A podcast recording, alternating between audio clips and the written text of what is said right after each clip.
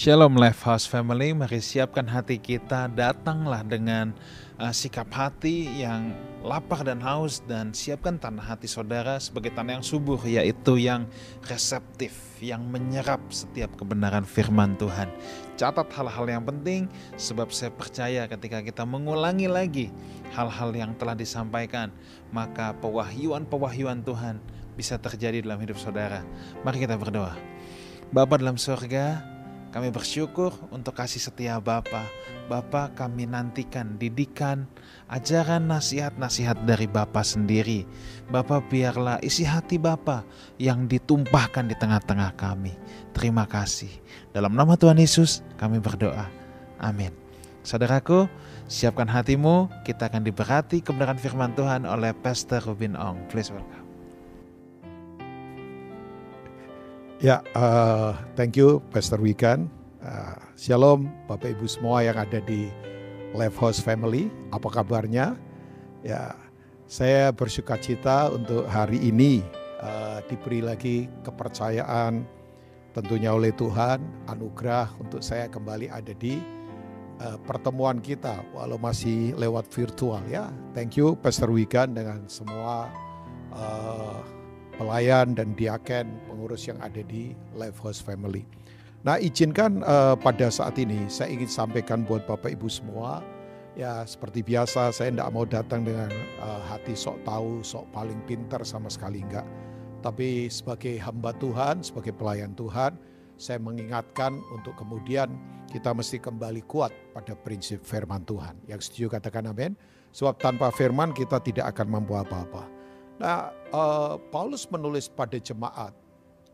Kalau saudara suka tema hari ini, saya akan sampaikan tentang bagaimana hidup kita ini harusnya ada di tempat persembunyian dalam Kristus atau kita tersembunyi di dalam Kristus ya. Kolose pasal 3 ya ayat yang ketiga sampai ayat yang keempat kalau Bapak Ibu uh, mau membaca dari ayat awal itu karena kita sudah dibangkitkan oleh dan bersama dengan Kristus maka kita harus mencari perkara yang di atas ya bukan di bawah. Sebab orang kalau ada di atas kan jalan Tuhan itu disebut dengan highway ya. Highway itu kalau terjemahnya uh, uh, uh, Indonesia kan jalan raya ya. Tapi highway sendiri sebenarnya jalan ada yang di uh, jalan di atas ya. Jalan Tuhan itu ada di atas ya. Kita mesti kalau ada di atas cara kita melihat akan berbeda. Di bawah itu kecil semua tidak perlu sombong sebetulnya ya. Kalau orang melihat dari atas itu ya betapa kecilnya kehidupan, ya betapa kecilnya fasilitas, ya gedung segede apa pun kalau dilihat dari oh, sekian uh, ribu meter mungkin di atas ya kelihatan kecil saja ya. Nah kalau kita kembali kepada kalau setiga ayat yang ketiga sampai ayat yang keempat Alkitab berkata begini, sebab kamu telah mati dan hidupmu, nah ini dia tersembunyi bersama dengan Kristus di dalam Allah. Apabila Kristus yang adalah hidup kita menyatakan diri kelak, kamu pun akan menyatakan diri bersama Dia dalam kemuliaan. Yang percaya katakan amin dari ayat-ayat ini ya.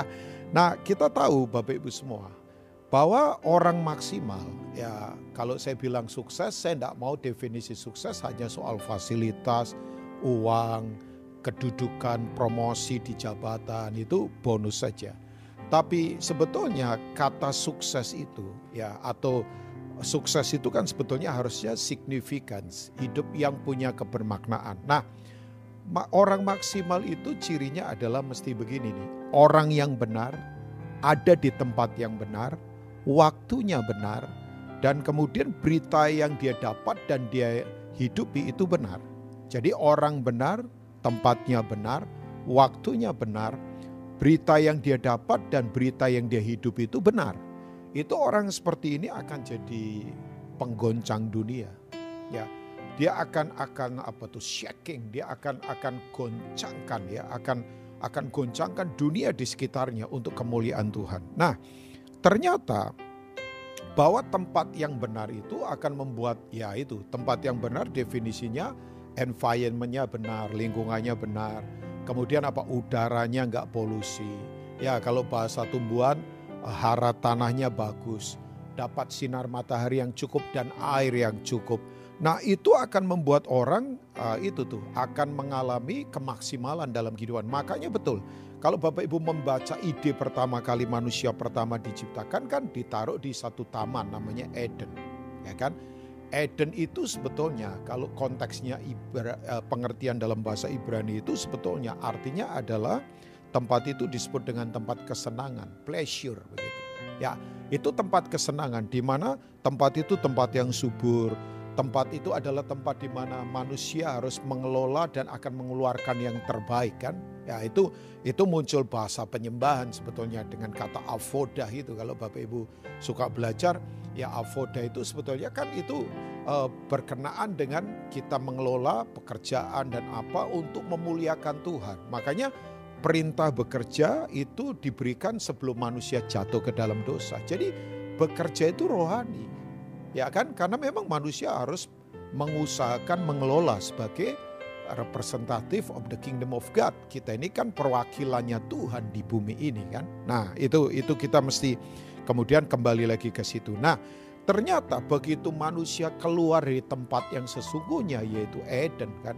Eden itu kan kalau saya boleh berkata tempat di mana manusia dan Tuhan itu uh, ini pakai bahasa bahasa sedikit apalah kiasan begitu ya seperti uh, date begitu, mereka berpacaran gitu, mereka punya relationship lah ini. Maaf kalau pakai bahasa itu seperti menggambarkan uh, dua sejoli begitu memang kan itu kan keintiman di situ ya, di mana Tuhan uh, berjalan-jalan dengan manusia dan sebagainya ya. Nah ternyata begitu mereka keluar dari Eden, yang terjadi apa? Peluh, keluar keringat, kemudian apalagi yang terjadi? Mereka kemudian mengalami penurunan, penurunan kualitas, penurunan karakter, termasuk penurunan usia. Ya, sebab setelah itu manusia usianya ya makin makin berkurang terus sampai sekarang ini kan. Karena memang environment kita gak ada di tempat yang sesungguhnya, lingkungan kita harusnya di Eden. Makanya saya suka bercanda. Orang kalau nggak ada di tempat namanya Eden, pasti Eden percayalah. Oh iya dong, keputusannya Eden, karakternya Edan, ya gila maksudnya ya. Semua keluar dari prinsip firman Tuhan. Nah, saya ingin mengajak kita untuk kita yuk kembali lagi kepada tempat yang ada di dalam Kristus tentunya. Ini tempat kita bersembunyi di tengah semua badai yang sekarang sedang terjadi, hantaman yang begitu luar biasa ya. Nah, tempat ini adalah uh, the secret place. Ini tempat rahasia, tempat yang memang tidak dimengerti oleh prinsip dunia kan. Ya, saya kalau lihat ya, saya kemarin dalam anugerah Tuhan belum lama itu diundang untuk sebuah acara ya fellowship lewat Zoom begitulah ya. Itu kakak rohani saya punya persekutuan doa dan dia konsisten banget sudah sekian puluh tahun. Ya yang datang lumayan di, di Zoom itu. Ada dari beberapa negara, ada dari beberapa desa, pokoknya kumpul. Makanya sekarang ini luar biasa ya. Udah tembok-tembok gereja runtuh semua bayangkan. Oh iya iya, sekarang Tuhan lagi membangun sendiri gerejanya. Makanya yang Matius katakan, I will build my church, kata Yesus. Aku membangun gerejaku sekarang terjadi. Tidak ada manusia yang layak membangun gerejanya. Tuhan yang membangun gerejanya. Ya kan? Sekarang coba, dengan dengan adanya sekarang dengan ya virtual online, orang dari mana saja bisa ngumpul ya lewat lewat Zoom, lewat lewat virtual yang yang dikerjakan. Nah, saya lihat ada satu ibu yang saya tahu ibu ini sudah cukup lama sekian tahun saya kenali. Ibu sederhana, pekerjaannya adalah tukang pijit. Ya, tapi yang luar biasa, saya lihat beliau tetap kuat, tetap enjoy di tengah hantaman yang tidak gampang. Ya, secara pendapatan menurun, secara penghasilan menurun lah pasti ya. Orang sekarang mau uh, touch body begitu kan agak-agak gimana, apalagi memijit begitu kan. Nah, yang luar biasa begini, tapi saya melihat ya orang ini tetap kuat, dari kesaksiannya, dari apa yang disampaikan, tetap menyala-nyala dalam Tuhan. Nah kuncinya satu, memang dia ada di tempat yang secara konsep dunia nggak masuk akal. Ya dong, kalau secara konsep dunia kan kondisi begini berat nggak mungkin lah bisa bertahan. Tapi eh kenyataannya bertahan itu. Makanya saya kalau ada lihat ya orang-orang sederhana yang biasa saja, tapi tetap kuat. Ah itu orang-orang hebat itu itu orang-orang yang ada di tempat yang memang ya berbeda memang yaitu tempat di mana Kristus berada. Nah, Yang pertama, kenapa kita harus harus ada di tempat tersembunyi dengan Kristus? Ya kan? Sebab jelas yang pertama, tempat seperti ini adalah tempat di mana sistem dunia tidak bisa jangkau kita. Ya kan? Tempat di mana dunia dengan sistemnya tidak bisa menjamah ataupun tidak bisa menghancurkan kita. Yang percaya katakan amin di Levos Family. Oh iya iya. Nah, Saudara kalau kita belajar kata Tuhan kan kita mengakui Yesus itu Tuhan. Ya bahkan di Lukas pasal 2 kelahirannya diproklaim ya di-announce dari sorga sendiri loh. Lukas 2 itu kan uh, pewahyuan Natal tanpa mengambil dari pewahyuan perjanjian lama. Itu betul-betul pewahyuan yang datangnya dari sorga yang membawa beritanya adalah dari sorga yaitu para malaikat, angels kan. Dikatakan begini, telah lahir juru selamat Kristus Tuhan di kota Daud. Itu luar biasa lah. Nah, kata Tuhan, ya kata Tuhan, kata Tuhan. Makanya orang Ibrani itu nggak bisa sembarangan nyebut kata Tuhan sembarangan, nggak nggak bisa. Makanya ya kan kata kata Tuhan, saya yakin lah Pastor Wigan juga sudah mengajar. Itu kata Allah itu kan ditulis dengan kata JHVH. JHVH loh bayangin. Itu konsonan semua bacanya apa? JHVH coba. Itu saking sakralnya nama ini. Ya memang kemudian orang uh, apa kemudian baca itu dengan Jehovah kan, Jehovah. Tapi sebetulnya kata JHVH itu kan susah dibaca itu karena memang saking sakralnya. Nah orang Yunani menyebut dengan kata itu kan Adonai. Jadi kalau Bapak Ibu dengar kata Adonai itu Tuhan itu. Itu dalam bahasa Yunani. Nah kata Adonai sendiri kan sebetulnya adalah the Lord of Management. Ya, the Lord of our system, the Lord of our management. Jadi dia itu adalah Tuhan atas sistem atau manajemen hidup kita. Nah, yang jadi pertanyaan kan gini, siapa yang menjadi Tuhan dalam uh, sistem atau manajemen hidup kita? Itu akan kelihatan dari apa? Cara kita bicara, cara kita bekerja, nilainya seperti apa, karakternya seperti apa. Makanya kalau orang berkata Yesus itu Tuhan, tapi cara kerjanya tetap curang, tetap licik, ya bukan berarti. Ya kan? Karena kalau kalau Tuhan itu berarti dia adalah Tuhan atas sistem hidup kita. Dia kepala kan. Dan itu mempengaruhi cara, nilai, tujuan kita dalam kehidupan. Itu teraplikasi di situ. Nah, kita tahu kan kenapa kita tidak akan bisa dijangkau oleh dunia. Dunia itu kan sistem. Ya, sistem kan. Dunia itu sistem. Sistemnya adalah sistem apa? Sistem self, sistem self, sistem aku, sistem keinginan manusia, sistem hawa nafsu. Ya, kita coba lihatlah. Dunia itu sistemnya begitu. Kita coba lihat 1 Yohanes 2, Bapak Ibu semua. Nah, kita tidak akan terjangkau oleh sistem ini kalau kita ada di tempat di mana Kristus berada. Nah ini warning buat kita yang ada di Life House Family. Kita ada di masa yang tidak gampang. Dan kalau orang berkata ke depan akan makin mudah, tidak. Dunia dan semuanya pasti lenyap kok. Alkitab berkata dunia dengan segala isinya pasti lenyap. Bahkan kalau Bapak Ibu membaca Wahyu 21 pun kan nanti uh, bumi yang ada ini akan dihancurkan. Langit juga akan dihancurkan. Bayangkan langit itu kan tahta Tuhan itu akan diganti semua baru. Nah, pikiran saya tidak bisa nyampe ke sana itu nanti. Ya, sepertinya kok kayaknya langit tahtanya sendiri diganti juga yang baru. Maksudnya, ah itu tuh bahasa tinggi sekali tuh. Ah, bumi akan diganti. Ya, jadi makanya kita nanti akan tinggal di langit dan bumi yang baru kan, di mana kemah Allah akan ada di tengah-tengah kita. Wahyu 21 Bapak Ibu bisa melihat. Nah, coba let's see di 1 Yohanes pasal 2. Ini Rasul Kasih yang berkata ya, kalau kita lihat ayat yang ke-15 lah, jelas sampai ayat 17. Janganlah kamu mengasihi dunia dan apa yang ada di dalamnya.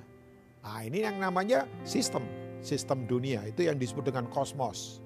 Ya, ibu-ibu tahunya kalau kosmos itu kan tempat penyimpanan beras. Ah, itu itu itu merek itu sih ya. Nah, ini. Nah, jikalau orang mengasihi dunia, maka kasih akan Bapa tidak ada orang tidak ada dalam orang itu. Jelas kan? Nah, Nah ini dia, sebab semua yang ada di dalam dunia, sistem ini ya, yaitu apa? Keinginan. Coba cermati, highlight kata itu. Dunia itu sistemnya keinginan, tapi keinginan aku, keinginan daging, keinginan mata, serta keangkuhan hidup bukanlah berasal dari Bapa, melainkan dari dunia. Jadi saya ingatkan kalau Bapak Ibu ada di tempat seperti ini, ayo cepat keluar dari situ. Itu yang Tuhan suruh pada Lot dan keluarganya kan. Sampai itu sense of emergency loh, sangat darurat sekali. Kita harus keluar saking-saking daruratnya atau enggak. Lot itu dengan keluarga sampai diseret karena mereka berlambat-lambat. Tapi sayangnya kan menyedihkan. Istrinya Lot sudah terikat pada sistem Sodom, makanya dia berbalik jadi apa? Tiang garam, monumen kita garam dunia tapi jangan jadi tiang garam loh. Saya ulangi ya, Life House Family itu kita adalah garam dunia yang menjadi dampak. Tapi kalau jadi tiang garam ya gimana? Ya jadi tontonan nanti, jadi monumen, bukan lagi jadi movement pergerakan. Ya Life House Family jangan lagi jadi jadi tiang garam. Kita enggak, kita enggak. Saya juga enggak mau jadi tiang garam. Nanti jadi tontonan. Kita ini garam yang menggarami kan. Garam itu murah tapi tidak murahan. Mungkin baju yang saya pakai harganya biasalah murah, tapi saya tidak mau murahan. Ya yang saya pakai ya semua biasalah, tapi saya nggak murahan karena garam itu berdampak. Bayangkan garam itu dari gubuk paling kecil sampai istana ada garam di dalamnya. Ya, kita tahu itu garam itu luar biasa. Nah kenapa penting sekali untuk kita tinggalkan tempat di sistem dunia ini? Karena ini ayat yang ke-17. Boleh nggak Bapak Ibu yang di rumah masing-masing yuk baca sama-sama dengan saya yuk. Kita baca sama-sama ya. Dan dunia ini sedang lenyap dengan keinginannya. Wah itu tuh. Tetapi orang yang melakukan kehendak Allah tetap hidup selama-lamanya. Yang percaya katakan amin. Ya, Nah itu kata sedang lenyap itu artinya going on the process kan. Ya memang belum semuanya tapi ini sedang. Krisis yang terjadi, krisis multidimensi, krisis moralitas. Bayangkan kita sekarang dihajar oleh culture yang mengerikan kan. Makanya budaya tidak bisa dikalahkan dengan sendirian. Harus diciptakan budaya. Budaya apa? Kerajaan Allah. Budaya dunia ini kan ngeri Bapak Ibu. Misalnya, misalnya ya sekarang sekarang ini budayanya luar biasa. Dan budaya itu mempengaruhi sekali. Dulu zaman saya masih kecil, ya masih ya sekarang juga enggak lah, sekarang sudah besar, sekarang sudah tua lagi ya. Zaman saya kira-kira eh, sekolah apa itu SMU atau apa. Dulu ada film namanya Ghost, ya kan hantu coba. Itu yang jadi namanya Demi Moore. Potongan rambutnya dia yang pendek itu menciptakan budaya di seluruh dunia semua wanita akhirnya potong rambutnya pendek. Sampai maaf, kadang-kala yang nggak pas-pas potong juga pendek. Karena memang budayanya begitu. Kemudian muncul lagi yang pria namanya Tommy Page. Ya itu penyanyi itu. Dengan potongan rambut yang lancip ke depan begitu. Orang potongan ikut ke situ. Sekarang sudah lain lagi. Drakor misalnya drama Korea. Wih semua ke Korea-Koreanan sekarang ini ya. Untung saya tidak pastor dan pastor weekend nggak model begitu. Soal begitu lucu juga kita ya. Tapi kemudian yang sekarang ini muncul lagi apa? Semua kayaknya budaya begini. Misalnya, saya to the point ya. Orang kayaknya sekarang ada di dunia di mana eh budaya pelakor itu di mana orang bisa ngambil pasangannya orang lain itu jadi, jadi tren sekarang. Kalau orang tidak ikut-ikutan begitu nggak keren, bayangkan. Terus budaya apa lagi? Orang kalau nggak mengkonsumsi ya obat-obatan atau apa, itu kayaknya nggak keren coba bayangkan. Saya ingatkan juga buat anak-anak bapak ibu semua ya. Karena kita sekarang diserang oleh sistem yang mengerikan, bayangkan. Oh masih banyak, saya yakin bapak ibu bisa pelajari bahwa sistem ini begitu luar biasa. Nah saya sungguh-sungguh berkata, semua ini akan dan terus sedang lenyap loh bayangkan. Makanya House Family, yuk kita mesti kembali ada di tempat di mana Tuhan berada. Ya, beralih dari reposisi kalau kita ada di tempat yang salah. Misalnya, Bapak Ibu sekarang ada di tempat di mana kita pahit di situ, sombong di situ. Yuk, jangan ada di situ. Jangan ada di tempat perbudakan, ketakutan, kemudian apalagi kekejian, ya kenajisan. Tempat kita bukan di situ tempat kita harus ada di dalam Kristus. Nah, kuncinya bagaimana Pak Rubin?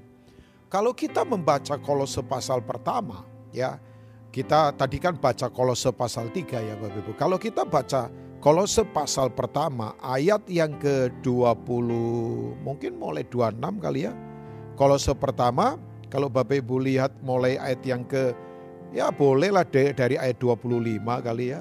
Uh, atau atau atau 26 saja ya sampai poin saya di ayat 27. Nah, ini dikatakan yaitu rahasia yang tersembunyi dari abad ke abad dan dari turunan kepada keturunan, tetapi yang sekarang dinyatakan kepada siapa? Orang-orang kudus. Orang-orang kudus siapa? Kita semua. Yang setuju katakan amin. Jadi ada the great secret yang dari abad ke abad barangkan.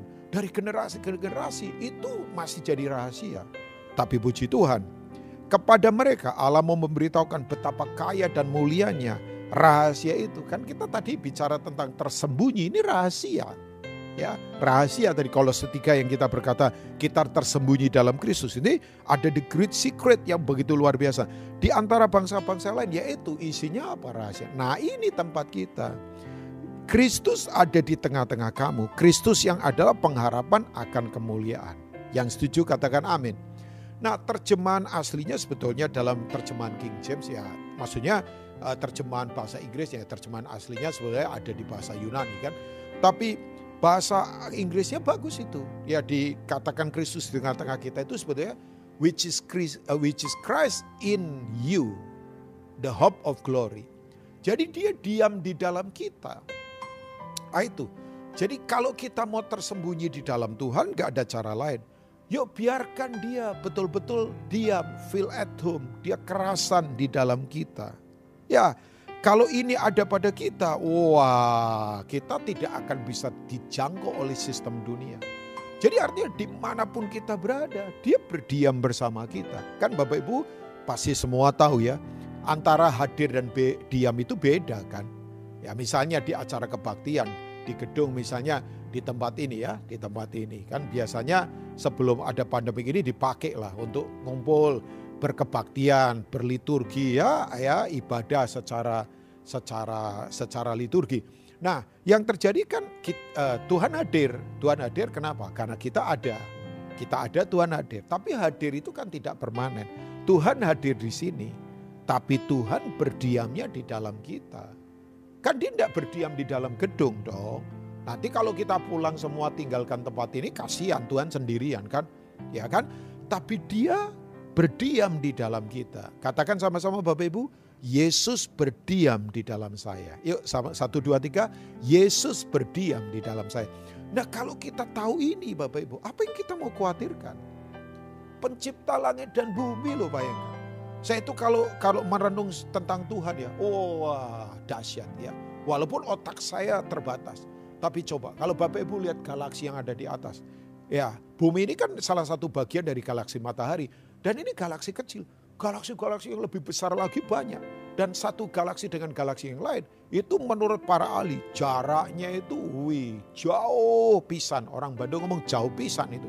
Ya jauh pisan itu. Uh jauh sekali sudah. Coba bayangkan. Tidak ada pesawat bisa menjangkau itu. Sangat luar biasa. Menurut catatan, itu ada jumlah bintang di atas itu ratusan miliar loh kayaknya. Tapi yang hebat Tuhan tidak pernah panik ya. Makanya kalau kita panik kan sudahlah bertobat. Tidak usah panik lah, udah Tuhan tidak pernah panik kok. Dia tidak pernah panik begini, ih nanti satu bintang jatuh ya di Toronto sana. Atau nanti satu bintang jatuh loh di Tanggul Jember sana. Ya kalau Bapak Ibu pernah tahu ada ada tempat namanya Tanggul Jember itu anak rohani saya dari situ tuh. Ada lagi yang di mana misalnya, oh ya di di mana lah, di pedalaman mana begitu Papua misalnya. Dia tidak pernah panik. Semua sudah ada dalam pengaturan ilahinya dia yang begitu luar biasa. Yang percaya katakan amin. Tapi Tuhan yang begitu besar itu juga peduli yang kecil-kecil. Menurut catatan yang saya baca, tahu Bapak Ibu, laba-laba, spider itu ya, kalau bikin jaring-jaring untuk rumahnya dia, itu hebat loh. Dalam waktu satu jam, itu jaring-jaring yang dia bikin, itu kalau diure panjangnya bisa 18 meter. Amazing ya. Coba, coba, 18 meter. Dan kenapa dia tidak terperangkap sendiri di jaring-jaring laba-laba itu? Karena begini, kakinya, kaki-kakinya itu keluar minyak. Itu siapa yang ciptakan? Tuhan. Ulat bulu itu ternyata itu kalau dilihat kakinya banyak loh. Detail banget. Jadi Tuhan yang begitu besar itu tapi tetap peduli pada hal yang kecil. Nah dia berdiam di dalam kita. Itulah tempat kita yang sesungguhnya. Makanya betul kalau kita ada di dalam sistem kerajaan Allah. Dunia tidak bisa kalahkan kita. Oh dunia mau berkata apa pun negatif dengan berita hoax. Wah ini menakutkan Wah ini ada gelombang kesekian ini pandemik. Wah ini ada varian baru. Wah ini ada apa? Sudah. Dia berdiam di dalam kita. Itu membuat kita tidak bisa dikalahkan oleh sistem dunia. Kita tidak akan terjangkau. Kuncinya Yesus berdiam di dalam kita. Makanya yang di dalam kita sekarang apa? Ya, waktu di Wahyu pasal 3 untuk jemaat Laodikia, Yesus berkata, kamu rasa kaya padahal kamu miskin. Kamu rasa pakai pakaian mewah padahal kamu telanjang. Belilah pakaian, belilah minyak untuk melumas uh, apa belilah uh, apa sih namanya ya minyak kemudian pakaian putih ya belilah emas murni itu kemurnian kan tapi ayat yang ke-21 atau 20 Wahyu 3 dikatakan ini aku mengetuk pintu siapa yang mendengar akan membukakan aku akan masuk dan berdiam bersama dia itu saya baca ayat itu dulu pikirnya untuk misi saja ternyata enggak kalau dia mengetuk pintu, bayangkan. Saya mau tanya, yang menciptakan langit dan bumi siapa Bapak Ibu? Tuhan. Yang punya hidup kita siapa? Tuhan. Tapi kalau dia sampai ketok pintu berarti begini. Yang di dalam kita siapa? Sampai yang punya hidup kita ketok pintu berarti yang di dalam kita siapa? Dia mau ada di dalam kita loh Bapak Ibu. Tapi kalau kita bising waktu dia ketok pintu, ya jangan-jangan nggak mendengar. Karena barang siapa yang mendengar akan bukakan pintu. Berarti ada indikasi ada yang tidak mendengar. Karena bising dunia, bising kesombongan, bising kepahitan. Nah yang kedua, tempat kita tersembunyi di dalam Kristus. Life was family yang kedua adalah begini sebetulnya. Orang Kristen itu tidak perlu pamer. Karena biar Tuhan sendiri yang memamerkan. Ya kan? Kalau kita tersembunyi di dalam Kristus, Berarti kita tidak perlu pamer-pamer. Biar Tuhan sendiri yang memamerkan kita. Sayang ya, sekarang ini kita sih ada di dunia narsismenya kuat sih ya. Orang sekarang maunya semua diumbar keluar ya. Wah, ya pengagungan diri, pencitraan diri, pengakuan diri sangat diumbar.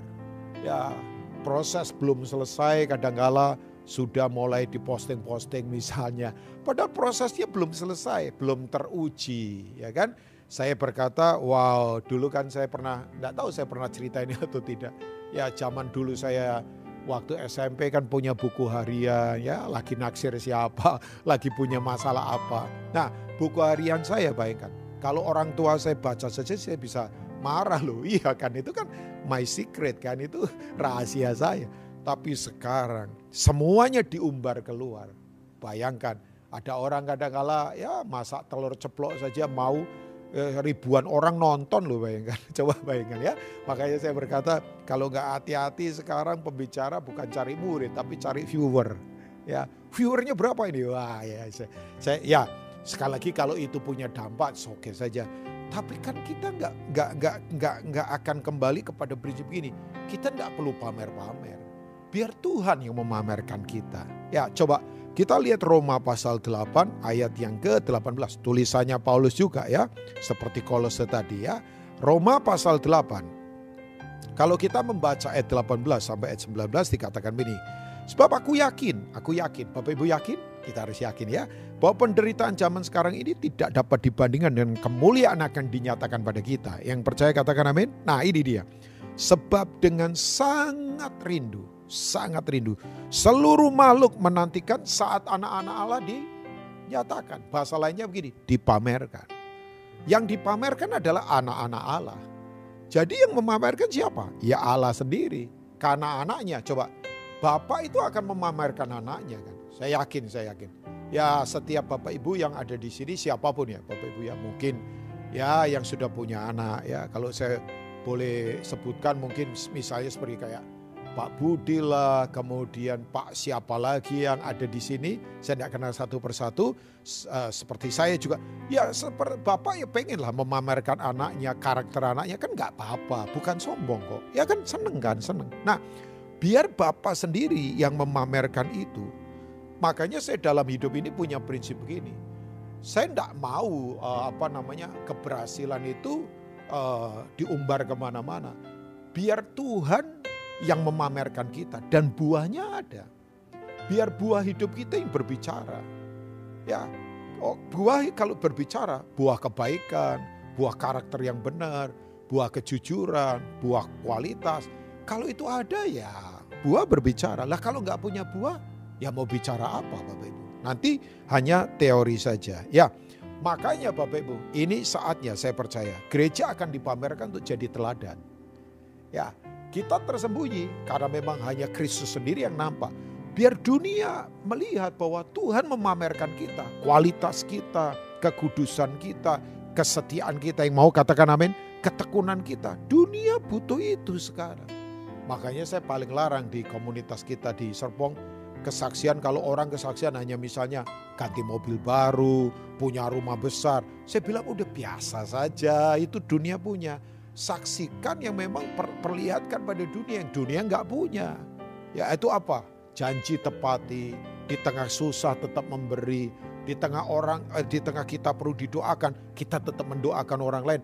Nah itu yang dunia butuhkan. Makanya saya ingatkan buat Bapak Ibu, yuk kita mesti begini, gak usah khawatir. Tuhan memamerkan kita. Dan dalam tempat yang tersembunyi, Bapak Ibu akan menemukan apa yang saya sebut dengan hikmat Tuhan. Hikmat itu apa? Bola hidup. Baca Yakobus 3 ayat 17 sampai 18. Hikmat yang dari atas itu murni, ya peramah, pendamai, ya tidak munafik, tidak memihak. Ya, kemudian apa? Buah yang terdiri dari kebenaran dan sebagainya, ditaburkan dan sebagainya ya. Bapak Ibu bisa baca. Hikmat itu adalah apa? Pola hidup. Nah, saya percaya dalam Kristus itu kita akan dipamerkan begini. Ada hikmat Tuhan dalam hidup kita. Hikmat itu begini. Akurasi ketajaman surgawi untuk kita bisa mengaplikasikan prinsip Tuhan. Kita bisa membuat pasti karena Tuhan di dunia yang tidak pasti. Jadi Tuhan dengan hikmatnya akan membuat yang tidak pasti itu jadi pasti. Karena Tuhan itu firmannya ya dan amin. Nah Levos Family saya akan selesai sebab yang ketiga adalah begini. Kalau hidup kita tersembunyi di dalam Tuhan, maka yang ketiga adalah begini. Kita harus sadar kebangunan rohani yang sejati itu adalah kebangunan rohani yang senyap di kedalaman. Sayang ya, prinsip kebangunan rohani orang masih ukur acara, panggung megah, lampunya redap-redup, wah bersorot-sorotan, asap-asap di panggung sampai saya kadang ketawa ya. Untuk menyembah saja ya lampu perlu diredupkan supaya bisa menyembah Tuhan. Come on. Ya, kita tidak begitu kan? Ya kan? Kita tidak main begitu. Revival, the real revival, kebangunan rohani yang sejati itu ada di kesenyapan. Oke, okay. bahasa Inggrisnya rohani itu kan spiritual ya, spiritual ya, kerohanian. Rohani itu kan spiritual. Nah saya suka plesetin, spiritual itu harusnya begini, spiritual tapi rame tindakan. Sekarang enggak, kita sekarang rame ritual tapi sepi dalam tindakan. Harusnya kita sepi saja ritual, tapi rame dalam berbuat baik, rame dalam pelayanan, rame dalam mengasihi orang, rame sibuk dalam kemudian memberkati. Jangan dibalik. Rame ritual tapi sepi perbuatan. Jangan-jangan. Nah ini waktunya yuk kita kembali kepada the real revival ada di kesenyapan. Saya dorong Bapak Ibu baca satu Raja-Raja pasal 19. Setelah acara spektakuler Elia mengalahkan ratusan Nabi Baal yang terjadi dia lari bersembunyi di bukit karena ketakutan dapat email dari Isabel. Tahu Bapak Ibu apa yang terjadi? Wow, dia komplain Tuhan aku kerja kok nggak ada yang peduli. Wah Tuhan berkata, eh kerjamu apa di sini? Tahu Bapak Ibu? Tiba-tiba ada gempa dong, nggak ada Tuhan di sana. Oh gempa loh, angin ribut, nggak ada Tuhan di sana. Tapi tahu Bapak begitu ada angin spoi-spoi lembut, dia langsung tutupi wajahnya. Karena dia dilawat Tuhan di kesunyian. Setelah itu dampaknya apa? Kalau tadi spektakuler, ya acara saja, hebat, oh, orang tepuk tangan. Tapi dampak dari ketenangannya apa? Dia muridkan tiga orang. Hasael dia lantik jadi Raja Arab, Yehu dia lantik jadi Raja Israel. Tapi kemudian Elisa dia lantik jadi Nabi, menggantikan dia. Itu pembapaan, impartasi kehidupan.